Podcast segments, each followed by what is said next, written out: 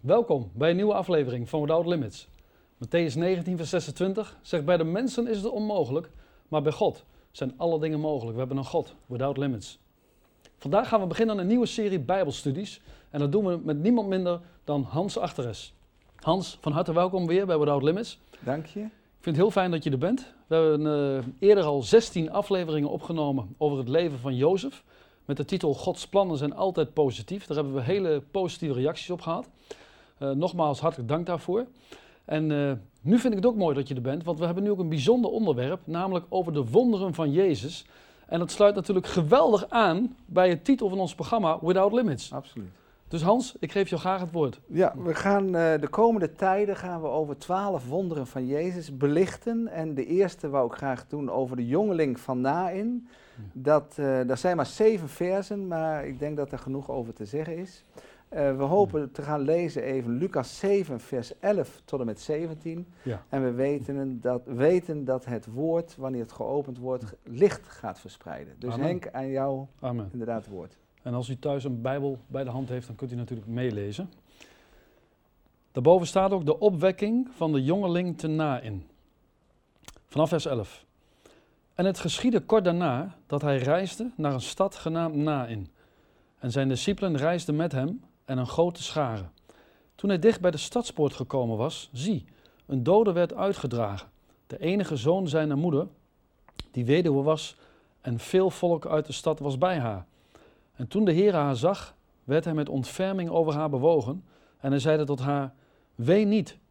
En naderbij gekomen raakte hij de baar aan, de dragers stonden stil, en zeiden, jongeling, ik zeg u, sta op. En de dode ging overeind zitten en begon te spreken. En hij gaf hem aan zijn moeder. En vrees beving hen allen, en zij verheerlijkten God, zeggende, een groot profeet is onder ons opgestaan. En God heeft naar zijn volk omgezien. En dit gerucht over hem verbreidde zich in het ganse Joodse land en in de gehele omtrek. Ja, wat ik zelf het mooie vind van uh, dit uh, gedeelte, Jezus komt naderbij. En wij kunnen soms denken van, nou, waar blijft hij? Maar ondertussen is Jezus wel bezig om dichterbij te komen in je leven. Ik denk dan nog even aan die bijzondere doortocht van de Israëlieten. Uh, dat ze op een gegeven moment werd daar die staf boven het water gehouden, die roerige zee. Ja. En toen dachten ze, nou, nou zal het gebeuren. Maar er gebeurt niks, het duurde uren. Toen begon die wind, toen, toen begon die wind sterker te worden en nog sterker. Maar het begon niet hier, het begon aan de andere kant. En zo werkt God vaak. Wij denken, nou, dan moet het hier gebeuren. Maar de Heere werkt soms, hij komt wel dichterbij. Hij komt al dichterbij, want hij gaat richting Nain. En daar zal iets bijzonders gebeuren. Nain is een klein plaatsje, dat betekent lieflijk, aan de bergketen, aan de zijkant van uh, Israël. Maar daar komt hij inderdaad, wil hij eigenlijk met een enorme schare, een groep die hem volgde, omdat ze toch wel, een, hij, ze vonden hem natuurlijk een weldoener en een wonderdoener. Ja. En ze volgden hem, dus het was een redelijke groep die na in naderde. Maar bij de stadspoort, ja, daar komt dus iets bijzonders, uh, is daar aan de hand. Daar komt een, een soort ontmoeting van de ene groep van Jezus en zijn scharen. En daar komt inderdaad een groep, een, ik zou zeggen misschien wel enorm redelijke mensenmassa, Ja. waarin uh, daar een, iemand op een baar ligt opgebaat, dood. En dat is een jongeling en uh, daar loopt een vrouw inderdaad achter. Dat blijkt zijn moeder te zijn, een weduwe. En die twee ontmoeten elkaar bij de stadspoort. En als je dan nadenkt over die stadspoort, heeft dat dan ook nog een geestelijke betekenis dat ze daar bij elkaar kwamen? Nou ja, ik denk, kijk, Jezus heeft zelf gezegd, Jezus Christus, ik ben de weg, de waarheid en ik ben het leven. Ja. En daar komt dus het leven met hoofdletters, komt daar richting die stad. Komt daar richting die poort. En terwijl het leven richting de poort komt en daar doorheen zou willen, komt daar inderdaad de dood hem tegemoet. Ja. Het middelpunt is van de groep Jezus, die het leven is. En daar komt dus een enorme groep waar de dood het middelpunt is. Waar er rouw is, verdriet, onbegrip, schuddende hoofden, gebogen hoofden. En die twee ontmoeten elkaar daar. De ene moet min of meer wachten voor de ander, want de dood gaat eruit, in die zin buiten de stadspoort, en het leven wil erin. Ja. En dan, eh, ja, dat is natuurlijk iets bijzonders. De dood is voor de mens altijd een vijand. We weten allemaal dat we zullen eindigen, om het zo uit te drukken, in een huisje van zes planken of plankjes of planken. En eh, ja, we, we hebben dan wel de gedachte van, och, hoe zal het later zijn? Dat weten we niet. Ik denk wel eens aan die man, die was heel rijk en die had twee zonen. En eh, ja, hij wou dan zelf iets bijzonders meenemen voor later, hè, in de hemel. En eh, toen hadden die zonen gezegd van, God, eh, wij willen graag dat mijn vader een mooie goudstaaf meeneemt in de kist. Nou, twee het liefst. Dat mocht eerst niet en later werd erin toegestemd. En toen kwam die, om het zo uit te drukken, later bij die hemelpoort. Want wij denken dan dat we nog wat kunnen meenemen naar boven. En daar kwam dan, om het zo uit te drukken, die bekende Petrus. En die zag die twee goudstaven die die man aandiende, eh, of eh, gaf. En toen zei hij, hé, hey, heb je ook een paar straatstenen meegenomen? Kijk, we hebben, we hebben helemaal niks aan te bieden. Helemaal niks aan te bieden. Ik zeg altijd, eh, als, als we naar de hemel gaan, kunnen we maar één ding meenemen en dat is andere mensen. Ja, inderdaad, dat is geweldig. Door het evangelie kunnen anderen rijk gemaakt worden. Wij mogen tot een zegen worden. Een doodshemd heeft geen zakken. En je hebt, ik heb nog nooit gezien, niet dat ik heel vaak een begrafenis heb gezien of een begrafenisstoet, maar ik heb er nog nooit een verhuiswagen achter gezien. Nee. nee. Met andere woorden van, eh, nou neem dat ook even mee. Nee, de dood is nog altijd een vijand en er staat in de Bijbel het lichaam van de mens, ook van de gelovige mens, maar ook van de ongelovige mens, is dood vanwege de zonde. Maar we hebben wel als gelovigen een schat in aardevaten. Maar wat zich hier afspeelt is een drama. Hier staat in vers 12, toen hij, Jezus, dicht bij de stadspoort gekomen was, zie een dode werd uitgedragen, de enige zoon van zijn moeder, die weduwe was en veel volk. Dus er was enorm veel volk, maar wat is het erg? En ik heb natuurlijk door de tijd heen altijd weduwnaren ontmoet, weduwen. Pas geleden nog iemand vlak bij me in het dorp en ik woon op de dijk aan de IJssel. En die vrouw, daar, die heeft al een jaar geleden haar man plotseling verloren. Maar ze zegt wat erg. Erg. Een volle kerk, maar een leeg huis. Dat is de praktijk. Ja. En ze zegt, vaak kijk ik naar buiten, dan zie ik al die mensen die wandelen, dan zie ik al die echtparen en vaak is het een pijniging. En ik denk, dit kan niet waar zijn, dit is een film. Nou, laat staan een vrouw die weduw is, die heeft haar man al weggebracht. En dan een enige geboren zoon, die vermoedelijk 16, 17 jaar oud is, ouder denk ik niet. En wat heeft ze het altijd prettig met hem gehad? En wat was het, hij tot een zegen? En wat was hij misschien veelbelovend? En prettig gezelschap?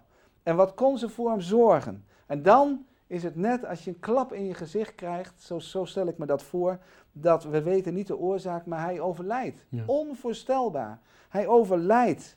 En dan denk je, dit kan niet waar zijn. En dat niet alleen, maar dan ook geen nageslacht.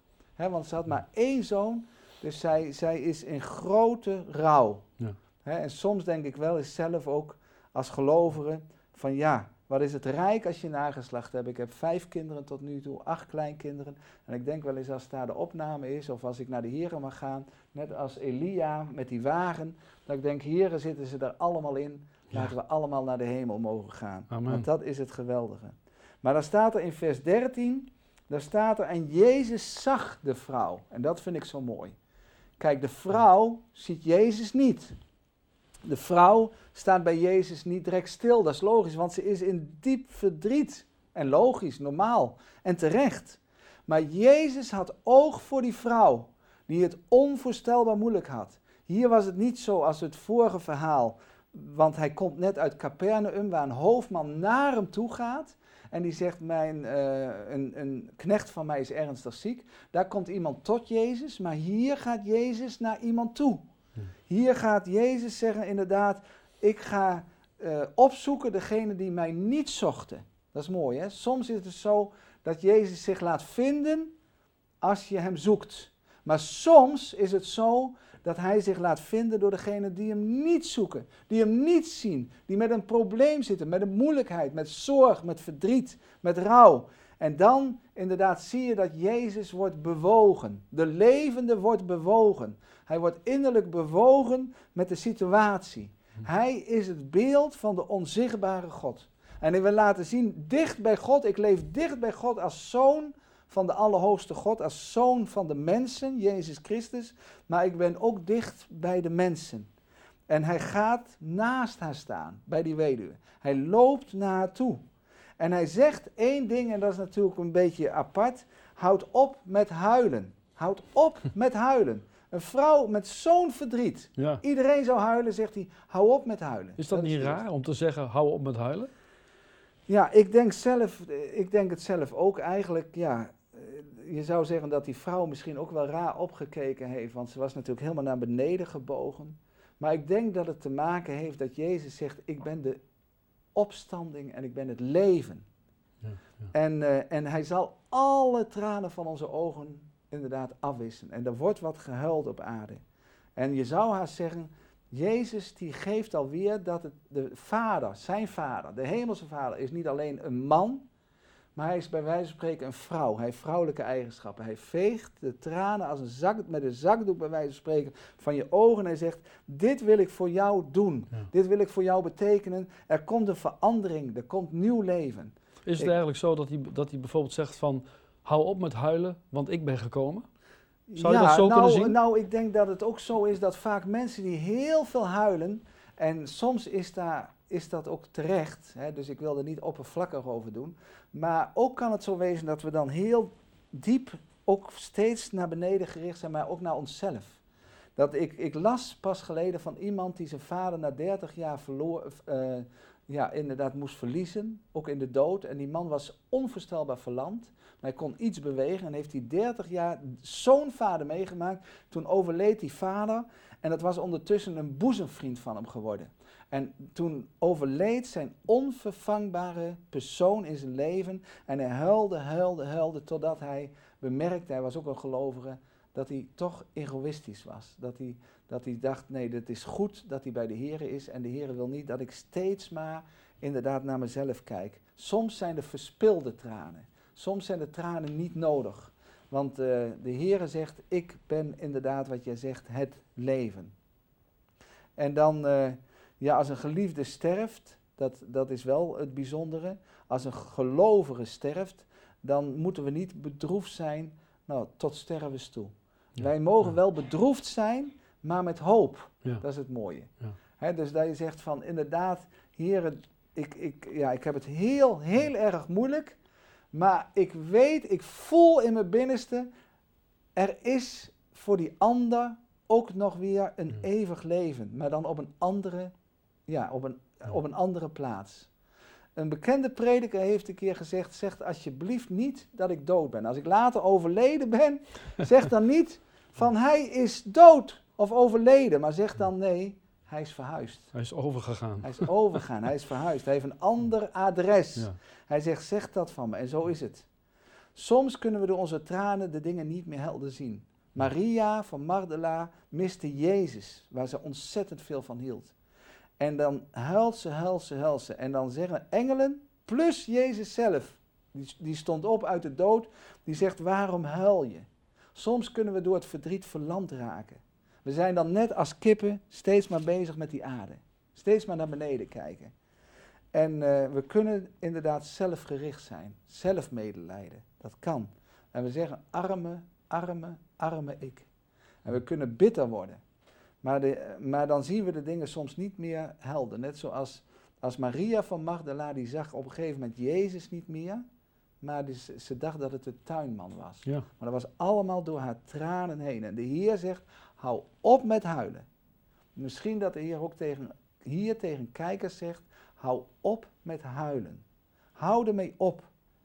Soms kan het wezen, ik heb het zelf ook bemerkt in zeer moeilijke omstandigheid, dat je, de Heer tot mij fluisterde van ik hef je hoofd omhoog.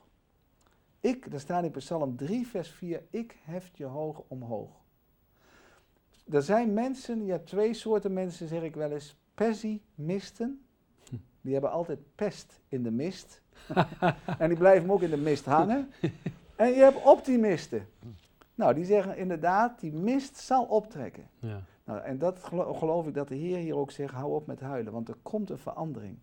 Er komt een verandering. Ik heb hier staan, Jezaja 61, vers 3. Ik zal kijken of ik hem even kan vinden. Jezaja 61, vers 3. Of 62, vers 3, sorry. Uh, daar staat, uh, daar zal, men zal u niet meer noemen verlatene, maar inderdaad, men zal u noemen welgevallige.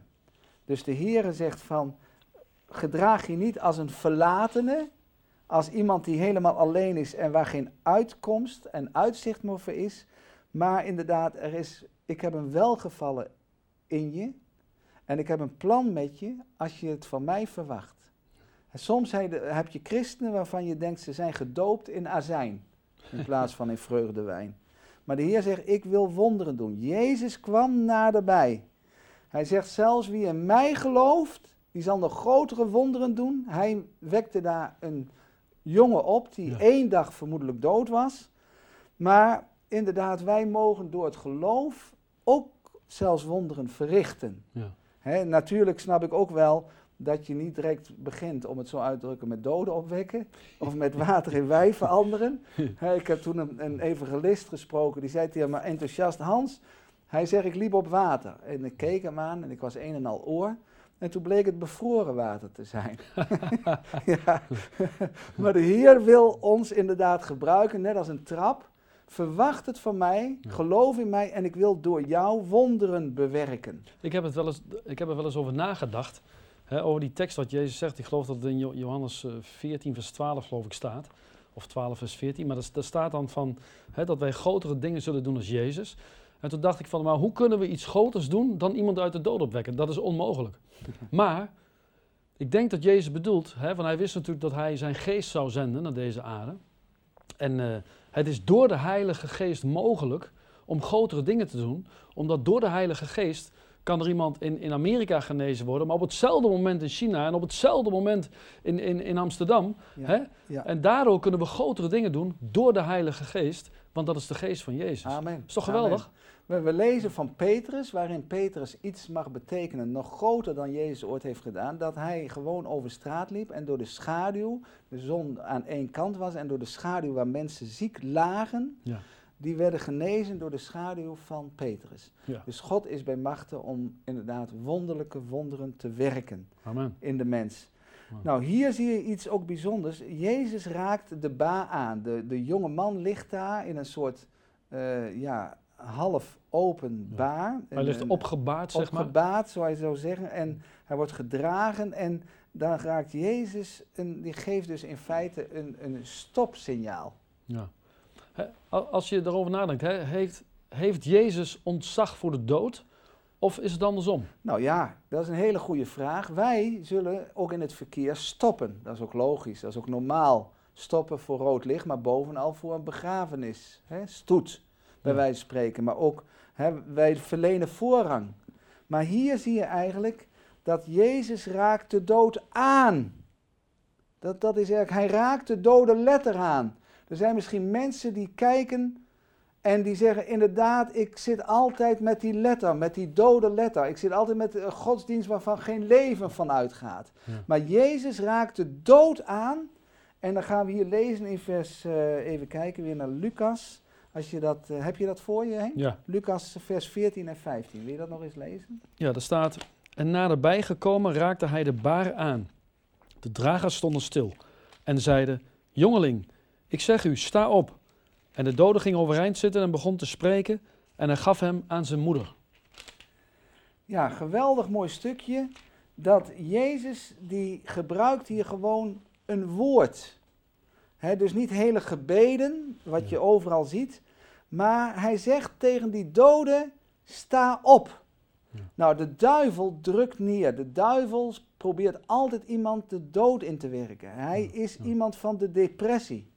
Maar het is toch bijzonder, elke dominee of elke pastoor zal bij een begrafenis heeft een woord voor de levenden. maar hier heeft Jezus een woord voor de doden. Ja. En door één woord komt het laken in beweging. Door één woord komt het laken in beweging en gaat inderdaad deze jonge man zitten. En hij gaat spreken. Spreuken 18 vers 21, dat denk ik in één keer aan, daar staat ook dood en leven is in de macht der tong. Dus niet in de macht der gedachten, Nee, als wij dingen uitspreken, dan gaat daar kracht vanuit, dan gaat daar leven vanuit. Ja, ik heb uh, zelf eens een keer gehoord uh, van Yonki Show. Die man die begon, meen ik, met 20 mensen ongeveer, misschien 40, 35, 40 jaar geleden. En heeft een kerk in Zuid-Korea van ondertussen, meen ik wel, een kleine miljoen. Maar het zal eerder meer zijn dan minder.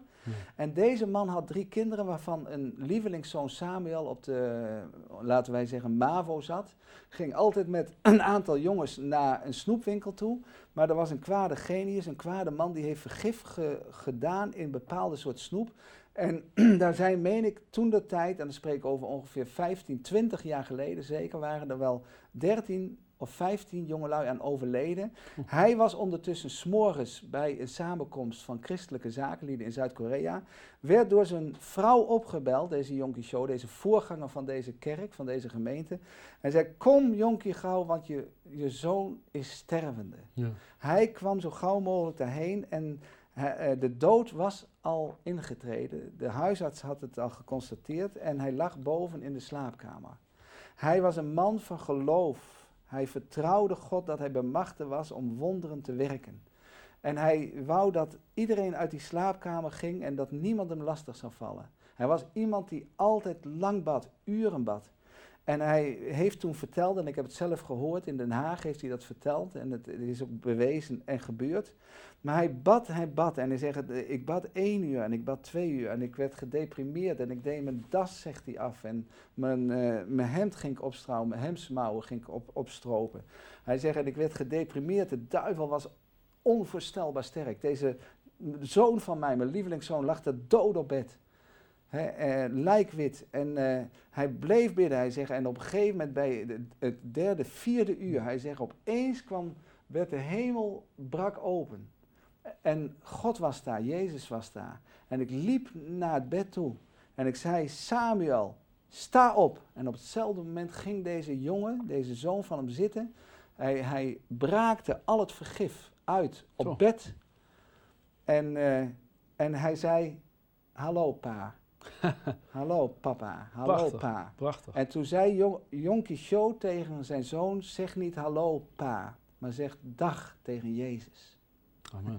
zeg dag tegen Jezus, prachtig want verhaal, hij is ja. hier. En, uh, en zo zegt deze jongeling, vermoedelijk ook toen hij opstond, hallo mam. Ja. hallo mam. Maar Jezus, en dat is zo mooi, Jezus is een gevende God. Niet een hebberige God, ik wil alles voor mij nemen. Want deze zoon, zou je zeggen, die opstaat uit de dood, dan denkt Jezus, wordt mijn volgeling, wordt mijn discipel, volg mij. Maar Jezus, die gaf hem terug aan de moeder. Zo is Jezus. Hij geeft hem terug aan de moeder. Hij zegt niet, volg mij, maar inderdaad, laat de moederzorg en de moederliefde over je zijn. Overal in de Bijbel zien we inderdaad gebedsworstelingen als er mensen uit de doden opstaan. Maar hier gaf hij hem terug aan de moeder. Jezus had maar één woord nodig. Sta op. Ja, en het is mooi hè, dat, je, dat je, je zei net ook, de duivel drukt ons naar beneden, maar Jezus richt ons op. Ja. Maar dat is nogal een verschil. Ja, eh, dat zie je altijd, dat, dat, dat uh, soms mensen neer zijn gevallen of verslagen. Ik denk aan Paulus, die opeens een verschijning van Jezus had. Hij ligt daar neer, hij is van, van zijn hoogmoedige paard gevallen met zijn gezicht in het zand. Ja. Maar dan zegt Jezus, ik richt je op. Ja. En hij werd bij de hand genomen. Zo is Jezus. Hij geeft hoop waar jij inderdaad normaal gesproken neerligt. En hij is bij machten om grote wonderen te doen. Ja. Trapsgewijze. Hier zie je iemand die is een dag overleden. We, le we, lezen in de Bijbel van Lazarus, die was vier dagen overleden. Ja. We lezen van een meisje, die was nog maar drie, vier uur overleden. Hm. Bij, de Heer is, bij, bij de Heer is alles mogelijk. En daar staat er in vers 16 van dit stukje, en allen verheerlijkte Jezus, verheerlijkte God. He, de zoon krijgt een stempel, Jezus Christus. De stoet verandert in één stoet. Ze gaan allemaal weer de stad in. Het zijn niet meer twee uh, groepen, maar het wordt één groep. Allemaal blijde mensen. Er komt glans overheen. Het wordt inderdaad het hemelse Jeruzalem in na in. Nou, dat is geweldig. De Heer komt altijd op tijd. Dat is Ja. in feite. Ja, want, want dat is zo mooi met het verhaal van Lazarus. Jij haalde dat net even aan, dat Jezus hem op de vierde dag opwekte. En eh, hè, wij denken vaak te laat, hè, maar dan komt de Heer toch verrassend. Om de hoek, of niet? Ja, op het nippertje. Nog 400 meter En die jongeling was begraven. Want hij was al min of meer buiten de stadspoort. Ja, ja. Dus, en de Heer zegt, wij denken te laat, te laat, te laat. Maar dan denk ik aan Jezus zelf. Hij werd gedood, hij moest lijden, hij werd weggemoffeld, om het zo uit te drukken, door de mensen. Ja. Hij moest weg van de aarde.